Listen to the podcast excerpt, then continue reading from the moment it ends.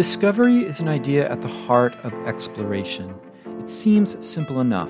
Through travel and observation, the world is revealed. But the story is more complicated.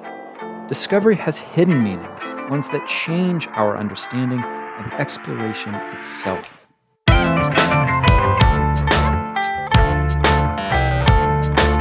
It's time to eat the dogs. I'm Michael Robinson. Today, Ralph Bauer talks about early modern exploration in the Americas and its connection to ideas about discovery, science, and religion in Europe. Bauer is a professor of English and comparative literature at the University of Maryland. He's the author of The Alchemy of Conquest Science, Religion, and the Secrets of the New World. Ralph Bauer, thank you for talking with me. My pleasure. So, discovery is often talked about as a pretty straightforward thing in exploration. An, an, explorer sees or stands on some new terrain. I think probably in the last 50 years or so, that's become a bit more complicated. And even in, you know, among popular audiences, I think there's this idea that discovery is a relative term oftentimes people will talk about this in the context of Columbus. Discovery is problematic. But in your book, you really dig a lot more deeply into this term and you connect it to its medieval roots. What do you find when you do that? Well, before uh, the uh, 12th and 13th century, knowledge was really predicated on biblical exegesis. Uh, but what's, what's changing with um, the rise of uh, Aristotelianism in the Latin West in the 12th and 13th century is that to know something in, uh, in terms of natural things, in terms of discovery, is based on Aristotelian epistemology that's based on, on central perception, basically. So it's it's a knowledge through, through the senses. However, as I'm trying to argue here in this book is that, especially with regard to central perception of that which is hidden from us, uh, which is occult, was in scholastic science uh, seen as problematic because the idea was that secrets were providentially protected. In other words, if God had wanted us to explore and discover secrets, they would have been manifest in that occult. And so, what I'm looking at here is how the role that religion played in a um, reconceptualization of the secret as not something that is uh, providentially protected from discovery, but rather something that invites discovery and penetration through the senses, through, the, through reason. So, if I'm if I'm getting this correctly, it's the idea that there are hidden things in nature, and because they're hidden, the sense of wonder. You also talk about this concept of wonder that that's to in a way inspire the idea that God is behind it, but does not necessarily encourage that we dig into it to try to figure it out. That's right. Uh, the, um, the, the scholastic and pre-modern conception of the occult was that it is providentially constructed, and it's only in the early modern period that really brings about a change in this uh, attitude towards the occult. However, as I point out in the book, uh, is that there are important exceptions in the medieval period in, in scholastic science, and alchemy is, is one of those examples where um, the secret always has been seen as being inviting curiosity. Yeah, could you actually talk about alchemy as a, a pursuit uh, in the Middle Ages? What, who was doing it, and what were they interested in pursuing? Well, in the medieval period, uh, alchemy was primarily an artisanal pursuit. Um, so these were artisans who were inter- who were uh, engaged in metalworking, basically, and it became underwritten, I guess you could say, with you know spiritual pursuits as well, especially in in the mendicant context, in, in the in the Franciscan context in particular. So, uh, with the rise of of the mendicant orders in the, in the 13th century, uh, it was amongst, uh, especially the Franciscans, were on the forefront of practicing alchemy as both an artisanal but also as a spiritual pursuit. So uh, it, it, became, I guess you could say, it became fused with spiritual ideas and underwritten by spiritual ideas, even though it was, technically speaking, a an artisanal an artisanal endeavor. You make this argument that in the early modern period, these ideas begin to change. The idea of the hidden begins to change, and that um, digging into it then becomes an area of legitimate inquiry. Is it that alchemy itself is the driver for this change in this notion of discovery? Is that the argument you're making?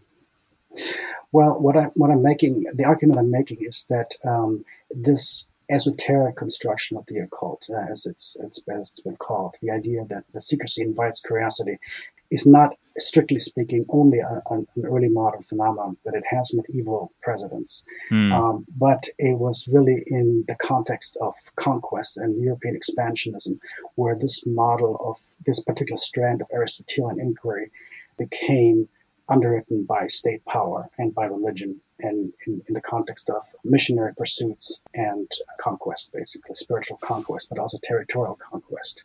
And as I try to point out in the first chapter, is that the idea of, of, of the secret was originally a, a, spatial idea. There were things that were hidden away by spatial distance. And so, uh, in the early modern period, uh, with European expansionism and the conquest of America, this uh, attitude towards the secret changed as it was inter- underwritten by religion and state power.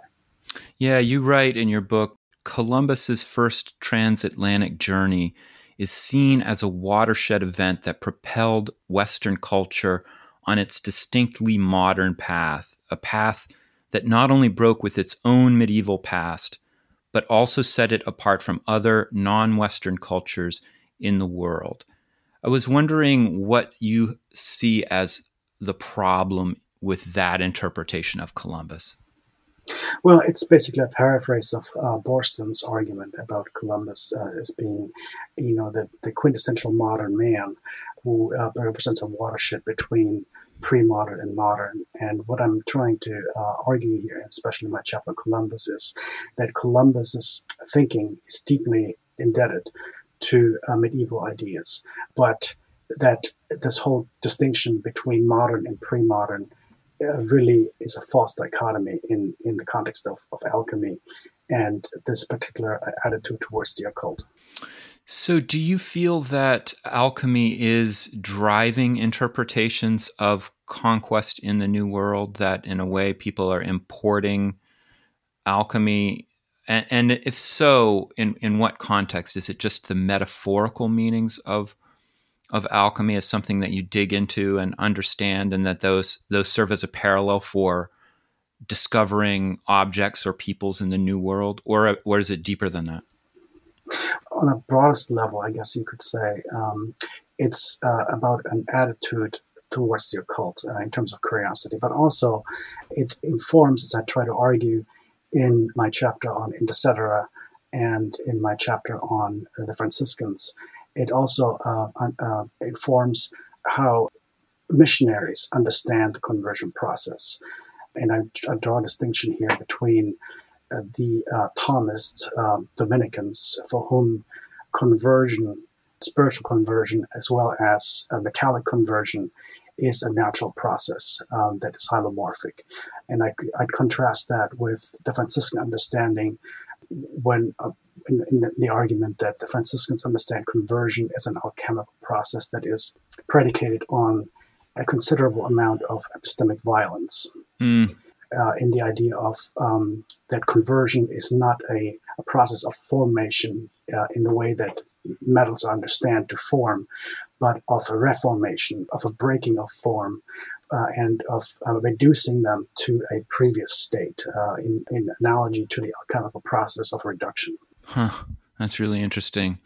One of the central subjects that you raise in your book is the idea of the white legend and the black legend of American conquest. Can you explain what these different concepts mean? Sure. Well, so the black legend has been a kind of a commonplace um, idea, especially in Latin American scholarship for quite some time. It's the idea that the Spanish conquest was extra- extraordinarily cruel. And so, of course, you know, this is, there's no doubt that the Spanish conquest was, you know, as, as any conquest, was a, a cruel set of uh, events. However, uh, it became used, especially in uh, Protestant and British and Dutch expansionism, as a justification for conquest and, and appropriation. So the idea was that, um, you know, English people were reading, say, Bartolomé de las Casas, yeah. uh, who indicted the uh, cruelty of the Spanish of the Spanish conquest, translated into English, and then used that as a pretext to say, well, you know, the uh, we uh, need to protect the um, the Indians from Spanish cruelty. That's sort of like the idea behind the Spanish the Spanish Black Legend. And as has been shown, this idea of, of Spanish cruelty was related to the idea of Spanish medievalness and Spanish backwardsness uh, that also has a long legacy in the histor- historiography of science. The idea that Spain, uh, early modern Spain, had nothing to contribute to the rise of modern science. Um, and people have seen that as a kind of a, a byproduct of the Black Legend as being Spain as being basically cruel, medieval, backwards, and so forth. And what I'm trying to argue here in this book is that the idea of discovery as a Protestant idea was predicated on this opposition to the Black Legend. Um, so mm. the idea that um, that Columbus, if you, I mean, so if you know that there's no statues in in, in Latin America, hardly any to, uh, to Columbus, um, but you know he's uh, he's a hero in this country and in, in the especially in the Protestant world. Until recently, at least. Until recently, that's right, uh, because he's seen he's seen as you know uh, as the discoverer, the incarnation of a particular idea of discovery as it emerged during this during this time period, and so. English discoverers, English explorers, American explorers see themselves in the tradition of Columbus, the discoverer, rather than Cortes, the conqueror. Mm-hmm. And uh, what I'm trying to argue is that, in fact, uh, the the early modern idea, uh, the Baconian idea of discovery, was intensely indebted to the idea of conquest. The idea of the conquest of nature was legitimated uh, by the language of the conquest of America. So this whole idea of conquest versus discovery, Spanish conquest versus Protestant discovery, or yeah. uh, is based on a false dichotomy, and that's mm. what I hmm. call the, the, the, white legend. And so I, you know, that's the way I read, um, for example, Walter Raleigh, right, where the idea of an English discovery of the New World is predicated on the idea that the Spanish previous discovery was illegitimate because it was a cruel conquest. Mm. You know, uh, before the interview, you and I were talking a little bit about the work of uh, Jorge Canizares Esguerra, and he's been on the podcast a couple of times to talk about uh, Humboldt and the scientific revolution. And one of the themes that's important in his work, as you know, is um, the idea that South America, Central America are seen, often interpreted as places of nature rather than as intellectual communities. There's this false dichotomy that gets built up, and particularly in things like uh, Andrea Wulf's book on Humboldt, and that um, it's it's important in his scholarship to show the degree to which uh, these intellectual communities are also driving ideas and are, are, kind of a hub in the network of of uh, scientific knowledge themselves. And I was wondering how your work connects to that. The um, yeah, go ahead. Yeah, so Jorge's work has been very influential in my own thinking, both in terms of his arguments about uh, the importance of early modern Spanish American science for the history of science at large. Uh, so he's made uh, he's made this argument in his first book, but also in, in several seminal articles and also in his in his later books.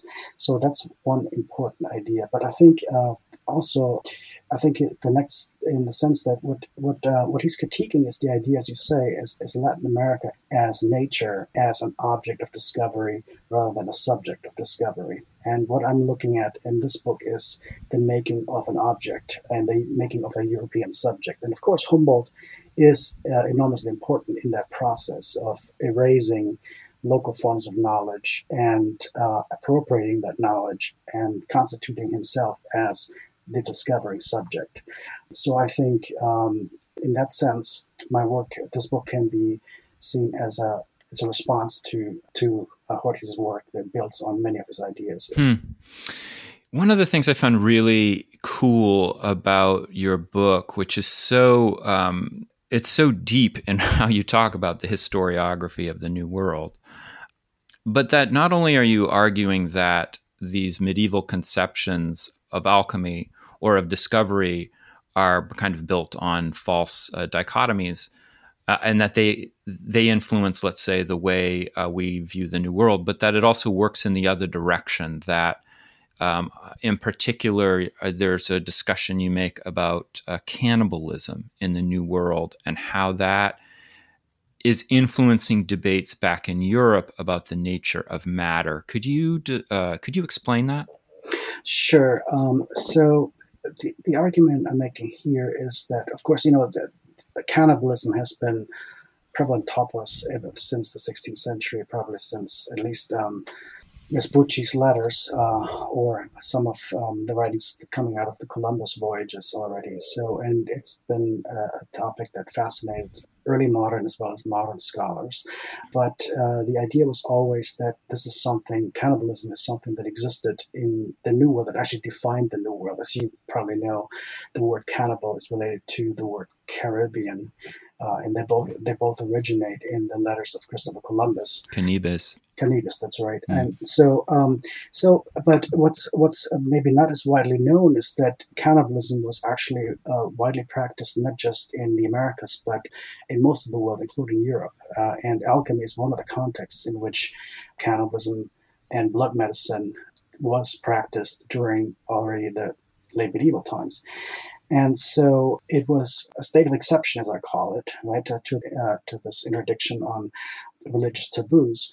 But what, what my argument in this in these chapters on um, Lucretius' New World is is that cannibalism, which had a tradition in Europe, in within the, uh, the context of alchemy, gets uh, projected onto the New World, and the New World becomes a kind of philosophical speculation for um, for speculating about matter, about uh, the relationship between form and matter in a way that was problematic uh, in the European context. In other words, cannibalism becomes a kind of a philosophy of the new world and a field of experimentation, of philosophical experimentation, by being projected onto uh, onto the new world. Mm.